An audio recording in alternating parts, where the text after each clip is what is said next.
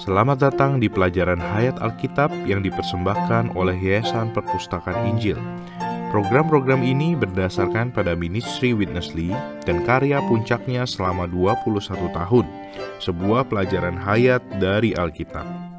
Kami akan memasukkan kutipan dari berita-berita yang disampaikan Witnessly yang berfokus pada kenikmatan akan Kristus sebagai hayat ilahi, seperti yang diwahyukan dalam Alkitab. Kami berharap melalui program ini Anda akan dibawa pada kenikmatan yang lebih dalam dari kitab suci dan Tuhan Yesus kita yang terkasih dan mustika. Anda dapat menghubungi kami dengan mengirim email atau mengunjungi web kami di pelajaranhayat.com. Sekarang mari bergabung dengan program hari ini. Bagaimana kita bisa mengenal Allah dan bagaimana kita bisa mengenal manusia? Alkitab memberitahu kita bahwa hanya melalui rohlah kita bisa mengenal Allah dan mengenal manusia. Tapi apa artinya itu? 1 Korintus pasal 2 ayat 11 mengatakan, Siapa gerangan di antara manusia yang tahu apa yang terdapat di dalam diri manusia selain roh manusia sendiri yang ada di dalam dia? Saya Elisa. Hari ini kita memiliki program pelajaran hayat yang khusus mengenai dua roh. Dan bersama saya ada Saudara Chuang. Saudara Chuang, selamat datang kembali. Senang bisa berada di sini, Saudara Elisa. Saudara Chuang, ini adalah berita ke-13 dari pelajaran hayat 1 Korintus kita. Dan hari ini kita akan membahas dua berita sekaligus.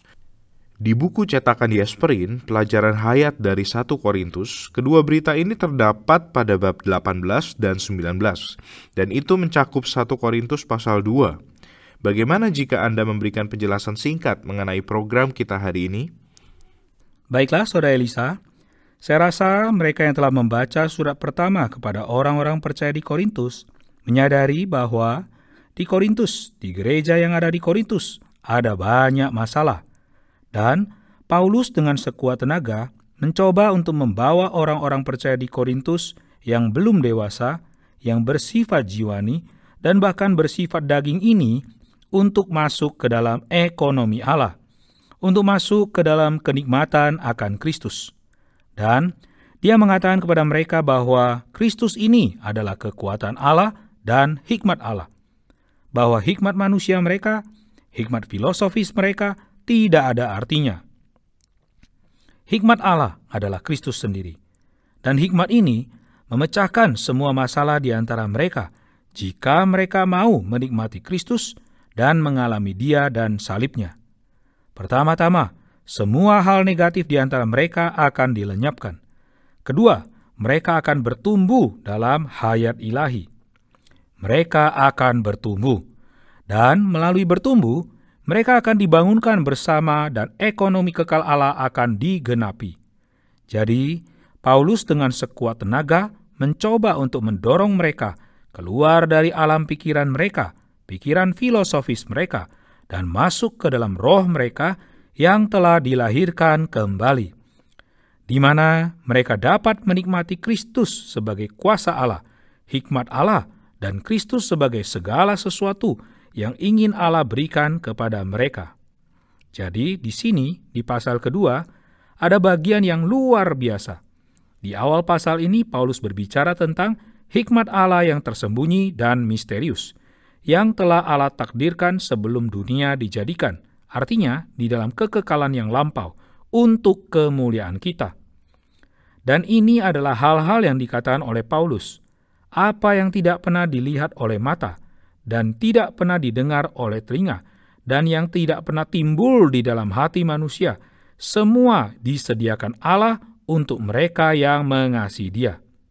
Hal-hal yang telah Tuhan sediakan untuk semua orang percaya ini sebenarnya adalah hal-hal yang tersembunyi dalam diri Allah. Tidak ada yang mengetahui hal-hal ini kecuali Roh Allah, dan tidak ada yang bisa menyingkapkan dan menjadikannya nyata dalam pengalaman kita kecuali Roh Allah. Tetapi Roh Allah membutuhkan roh kita agar Dia dapat menyingkapkan hal-hal yang tersembunyi dalam diri Allah ini kepada kita dan dapat membimbing kita dan membawa kita ke dalam realitas dari hal-hal ini. Jadi di sini kita sampai pada bagian ini, di mana Paulus menyebutkan dua roh, roh manusia dan roh Allah. Dan kedua roh ini kita tahu di dalam diri orang-orang percaya telah dibaurkan menjadi satu. Sekarang Paulus berusaha sebisa mungkin untuk memindahkan orang-orang Korintus ini keluar dari alam pikiran, dari alam daging, di mana mereka tidak mungkin dapat mengetahui hal-hal tentang Allah atau mengalami Dia. Dia ingin membawa mereka masuk ke dalam roh perbauran ini, di mana mereka dapat melihat dan memahami semua hal-hal yang tersembunyi yang telah Allah persiapkan bagi semua orang percaya. Betul sekali, Saudara Cuang. Saya rasa bagi siapa saja yang mendengarkan dan mengikuti program ini cukup lama akan menyadari bahwa perkara dua roh ini merupakan perkara penting dalam ministry Saudara Winnesley dan juga penting bagi pengalaman kita. Saudara Cuang, saya rasa ini adalah kata pembukaan yang sangat baik. 1 Korintus pasal 2 ayat 14 mengatakan, "Tetapi manusia duniawi tidak menerima apa yang berasal dari roh Allah." Jadi, kita perlu menjadi manusia rohani. Mari kita mendengarkan perkataan saudara Winnesley pada bulan September 1981 ketika dia menyampaikan berita mengenai apa artinya menjadi rohani. What is to be spiritual? Tahukah Anda apa artinya menjadi rohani? Menjadi rohani berarti memiliki kedua roh yang berbaur di dalam diri Anda. Menjadi rohani berarti roh Anda, roh manusia yang telah dilahirkan kembali, berbaur dengan roh Allah menjadi satu roh. Manusia-manusia rohani hidup dalam roh perbauran ini. Bila Anda berada di dalam roh perbauran ini, Anda menjadi rohani. Dan Anda memiliki pemahaman rohani, pengetahuan rohani, dan penjelasan rohani.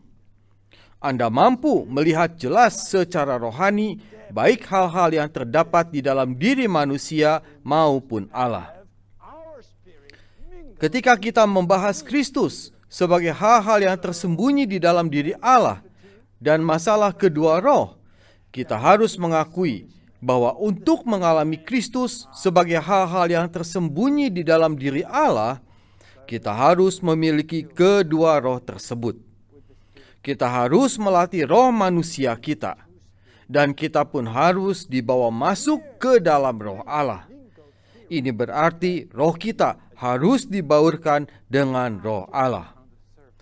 Manusia rohani berlawanan dengan manusia jiwani Manusia-manusia rohani adalah mereka yang melatih roh untuk berkoordinasi dengan roh Allah.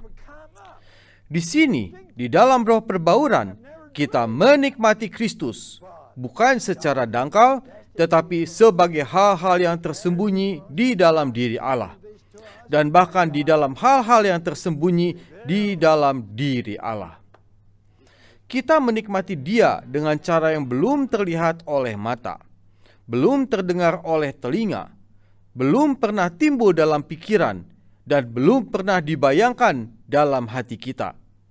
Kita menikmati Kristus dengan cara yang melebihi semua yang pernah kita impikan. Allah telah menakdirkan Kristus bagi kita. Ia telah menyediakan Kristus bagi kita ia telah mewahyukan Kristus kepada kita dan ia telah memberikan Kristus kepada kita sebagai hal-hal yang dalam dari Allah. Betapa ajaib. Saudara Cuang, saya setuju dengan Saudara Winnesley. Ini luar biasa. Saya merasa ini sangat luar biasa. Hal-hal yang telah Tuhan ungkapkan kepada kita dalam roh. Tetapi saya khawatir banyak orang Kristen di luar sana saat ini, juga beberapa dari para pendengar hari ini, tidak menggunakan roh mereka. Mereka tidak mengerti apa artinya menggunakan roh. Jadi mereka kehilangan hal-hal yang telah Allah wahyukan kepada mereka ketika mereka datang kepada Alkitab. Karena dikatakan, apa yang tidak pernah dilihat oleh mata, dan tidak pernah didengar oleh telinga, dan yang tidak pernah timbul di dalam hati manusia, apa yang telah Allah wahyukan kepada manusia, kepada mereka yang mengasihi Dia, tetapi Dia melakukannya di dalam roh. Saudara Cuang, apakah artinya menjadi manusia rohani itu? Ini adalah pertanyaan yang sangat baik, karena menurut saya ini adalah istilah yang akrab di telinga kita. Manusia rohani. Apa artinya menjadi manusia rohani? Nah, artinya adalah bahwa setiap saat kita sebagai manusia rohani selalu melatih diri kita sendiri untuk menyangkal jiwa dan hayat jiwa, dan tidak membiarkan dirinya sendiri diperintah dan diarahkan oleh hayat insani alamiah yang ada di dalam jiwanya. Sebaliknya, dia membiarkan dirinya didominasi, diperintah, diarahkan, dan dipimpin oleh roh Allah yang telah berbaur dengan roh insaninya. Jadi, ini adalah orang yang hidup dan berjalan menurut rohnya yang telah dilahirkan kembali. Dia tidak membiarkan dirinya diperintah oleh hal-hal luaran yang dangkal, bukan oleh pemikiran-pemikirannya, bukan oleh perasaan-perasaan emosinya, atau bukan oleh keinginannya dan tekadnya. Dia menyangkal semua hal ini dan dia berpaling ke rohnya, tinggal dalam rohnya bersama roh Allah, dan dia tinggal di sana sepanjang waktu. Manusia seperti ini adalah manusia rohani. Dan Paulus berkata bahwa ini adalah jenis orang yang dapat membedakan hal-hal yang terdapat dalam diri manusia maupun Allah. Jika Anda berbicara hal-hal rohani kepada manusia jiwani, manusia jiwani adalah manusia yang didominasi oleh dirinya dan hidup di dalam dirinya sendiri, di dalam jiwanya, di dalam hayat alamiah sendiri, di dalam pikiran, perasaan, dan keinginannya sendiri. Jika Anda berbicara tentang hal-hal rohani kepada orang yang demikian, dia tidak akan dapat menerimanya, karena dia tidak memiliki kapasitas untuk membedakan hal-hal rohani. Tetapi manusia rohani dapat menerima hal-hal roh Allah yang merupakan perkara-perkara Allah yang dalam yang telah Dia takdirkan, persiapkan, wahyukan, dan berikan kepada kita untuk kenikmatan kita. Manusia rohani dapat menerima semua hal ini dan dapat masuk ke dalamnya karena dia hidup dan bergerak di dalam rohnya. Betul sekali. Barusan saat Anda berbicara, saya berpikir, jika saya sedang mengemudi di jalan sambil mendengarkan hal ini, dan jika ini adalah hal yang baru bagi saya, baru pertama kali saya dengar, ini akan menjadi bahasa asing bagi saya. Tadi kita berbicara tentang apa artinya menjadi manusia rohani. Alkitab mengatakan, jika Anda tidak rohani, Anda tidak akan memahami hal-hal tentang Allah, dan Anda juga tidak dapat memahami hal-hal tentang manusia Oh, sungguh menyedihkan. Sungguh menyedihkan jika kita berada dalam posisi di mana kita tidak dapat memahami hal-hal tentang Allah atau hal-hal tentang manusia. Jadi kita sedang membicarakan subjek yang sangat penting hari ini. Mari kita dengarkan bagian kedua dari perkataan saudara Winnesley di mana dia akan membahas perkara mengenai orang Farisi dan Saduki. Satu contoh orang-orang di bumi pada zaman Tuhan Yesus yang tidak hidup menurut roh. Dan kemudian juga secara positif bagaimana Yesus dan Paulus benar-benar hidup menurut roh mereka. Saya berharap kita dapat belajar sesuatu tentang menggunakan roh pada program hari ini. The Pharisees, the Sadducees, Orang-orang Farisi dan Saduki menyangka bahwa karena mereka mengenal perjanjian lama, maka mereka juga mengenal Allah. Tidak, mereka sama sekali tidak mengenal Dia. Demikian pula orang-orang Farisi, Saduki, dan para ahli Taurat tidak mengenal hal-hal yang terdapat dalam diri manusia. Mereka tidak mengenal posisi, kondisi, dan kebutuhan mereka sendiri. Hanya Tuhan Yesuslah yang mengetahui hal-hal yang terdapat dalam diri manusia dan Allah. Karena agamawan-agamawan itu memahami dengan pikiran alamiah mereka, maka mereka tidak dapat mengetahui hal-hal ini. Akan tetapi, Yesus Kristus memakai rohnya. Menurut Markus pasal 2 ayat 8, dalam rohnya ia mengerti pikiran-pikiran dan motivasi orang-orang Farisi. Karena ia memakai rohnya, dengan roh Allah, ia dapat mengetahui hal-hal yang terdapat dalam diri manusia dan Allah. Dalam 1 Korintus pasal 1 dan 2, kita melihat bahwa Paulus adalah satu contoh dari orang yang mengetahui hal-hal dalam diri manusia dan Allah. Ia tahu posisi, kondisi, situasi, dan nasib kaum beriman di Korintus. Karena kaum beriman ini memakai mentalitas filsafat Yunani, mereka tidak mengetahui hal-hal yang terdapat dalam diri manusia. Walaupun mereka tidak mengenal diri mereka sendiri, namun Paulus sangat mengenal mereka. Karena Paulus adalah seorang yang memakai rohnya agar dibawa masuk ke dalam roh Allah. Dengan sarana kedua roh inilah, Paulus memiliki pengenalan yang lengkap terhadap orang-orang Korintus. Paulus pun memiliki pengenalan yang tepat mengenai Allah. Saudara Cuang, saya sangat senang dengan teladan Rasul Paulus di dalam perjanjian baru sebagai orang yang melatih rohnya. Jika hanya Yesus yang dapat mengerti segala sesuatu dengan menggunakan rohnya, maka kita akan mengatakan bahwa hanya Yesus yang dapat melakukan ini karena dia adalah Allah. Kita tidak akan pernah dapat melakukannya. Tetapi ternyata Paulus juga dapat melakukannya.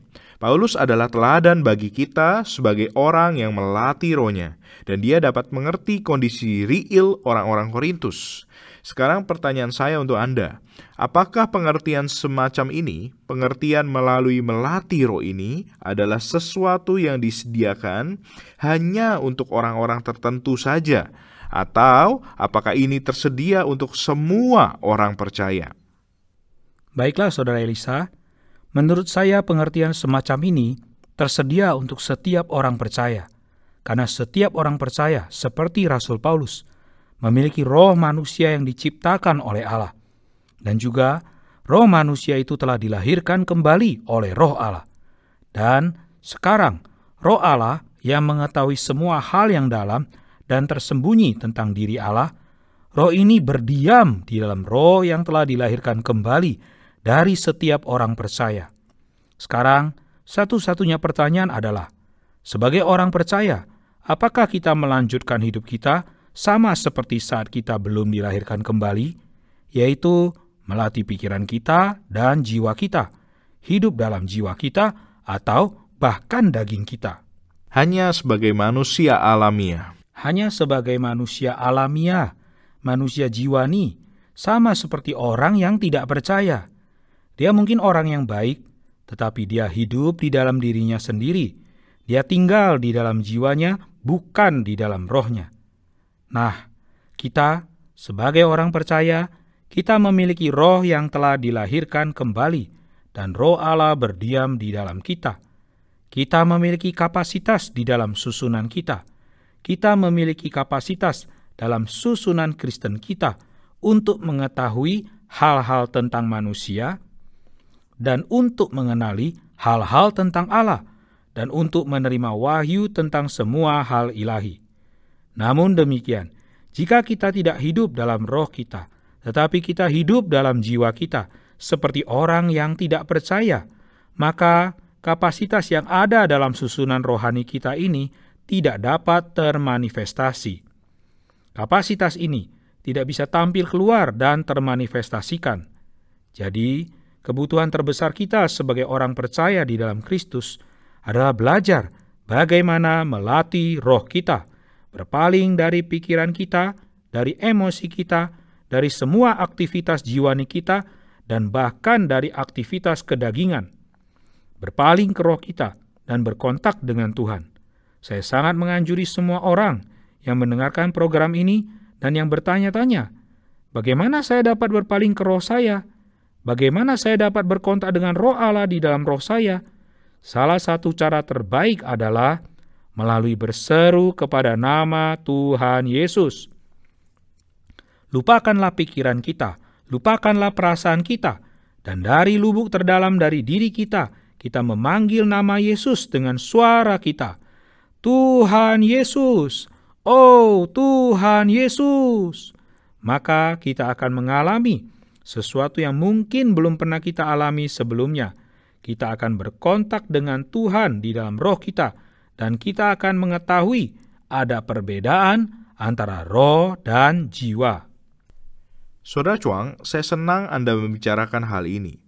Tadi saya berpikir kita mungkin membutuhkan satu program penuh untuk membahas tentang bagaimana melatih roh kita dengan contoh praktis bagaimana memimpin orang untuk melatih roh mereka. Maksud saya, orang-orang pergi ke gym atau pusat kebugaran dan dibantu oleh pelatih atau trainer yang mengajari mereka bagaimana cara berlatih. Nah, itu hanyalah latihan tubuh mereka. Dan Paulus mengatakan bahwa latihan badani terbatas gunanya.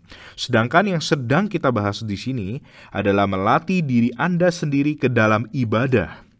Ini adalah hal yang tertinggi dan yang terpenting di seluruh dunia. Saya rasa kita perlu lebih menekankan perkara melatih roh kita ini. Mari kita lanjutkan ke bagian terakhir perkataan saudara Winnesley untuk hari ini. Dia akan memberikan perbandingan antara kitab Roma dan kitab 1 Korintus dari sudut pandang tertentu.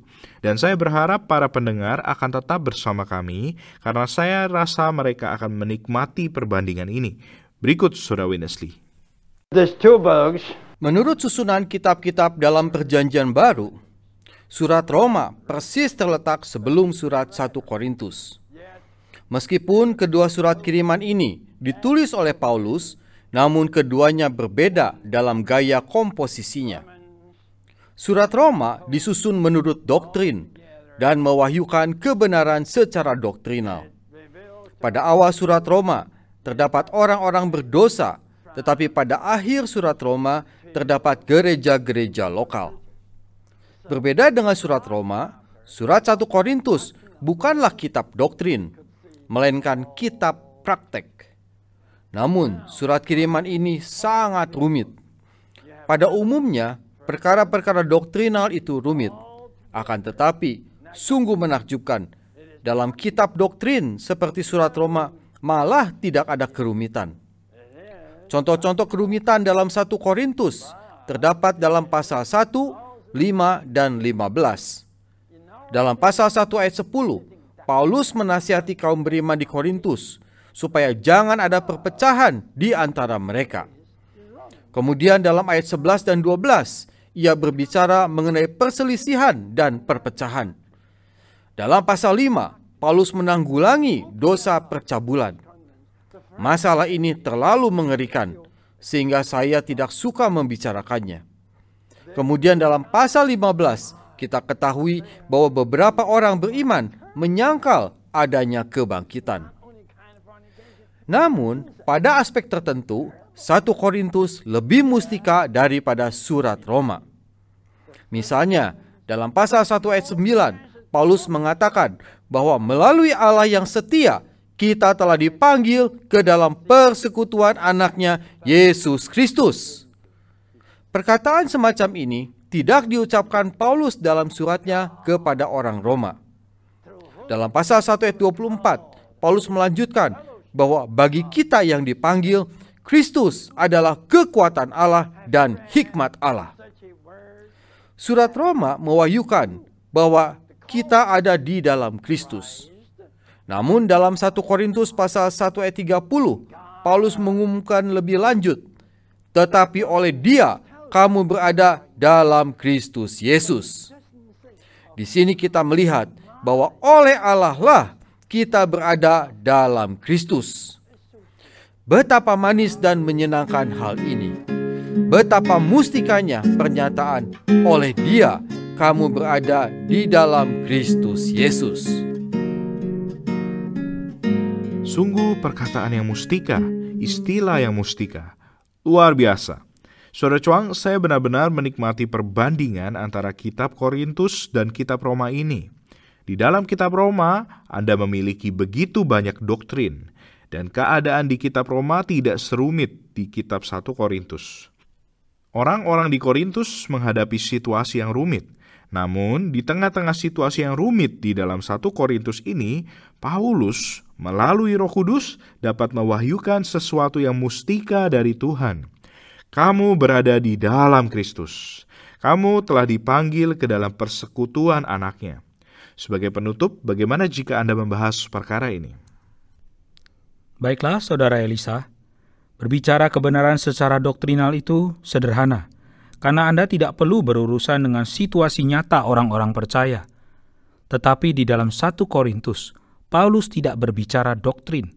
Dia berusaha semampunya untuk membantu orang-orang Korintus untuk bertumbuh dalam hayat, agar mereka bukan lagi bayi dalam Kristus, tetapi menjadi manusia rohani, sehingga mereka dapat menerima semua hal yang dalam dan tersembunyi mengenai Allah, dan dapat menikmati hal-hal ini. Jadi, Paulus berjeri lelah dalam suatu situasi yang rumit. Orang-orang Korintus itu sungguh luar biasa. Kesulitan-kesulitan dan masalah-masalah yang ada di dalam gereja di Korintus itu benar-benar luar biasa. Mungkin tidak berbeda dengan situasi saat ini. Banyak yang mengalami masalah yang sama. Tetapi dalam memberi solusi untuk masalah ini, Paulus tidak menggunakan doktrin, dia menggunakan pengalaman yang real dan praktis akan Kristus. Dan ini membawa kita ke suatu alam di mana ada banyak hal yang mustika. Sungguh berita yang mustika. Saudara Cuang, terima kasih telah bergabung dengan saya hari ini. Waktu kita sudah habis. Senang bisa bersama Anda, Saudara Elisa. Terima kasih juga sudah bergabung bersama kami.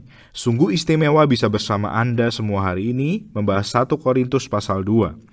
Jika Anda ingin mendapatkan buku pelajaran Hayat 1 Korintus, Anda dapat menghubungi kami di pelajaranhayat.com.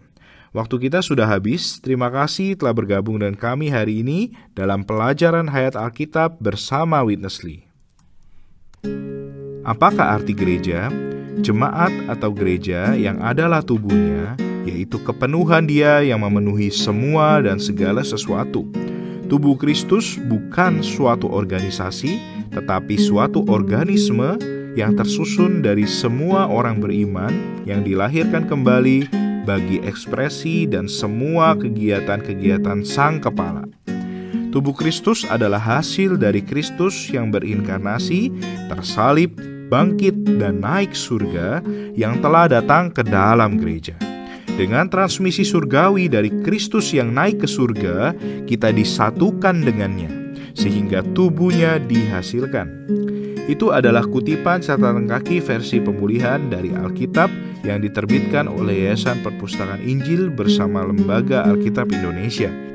Anda dapat mengunjungi pelajaranhayat.com untuk informasi lebih lanjut.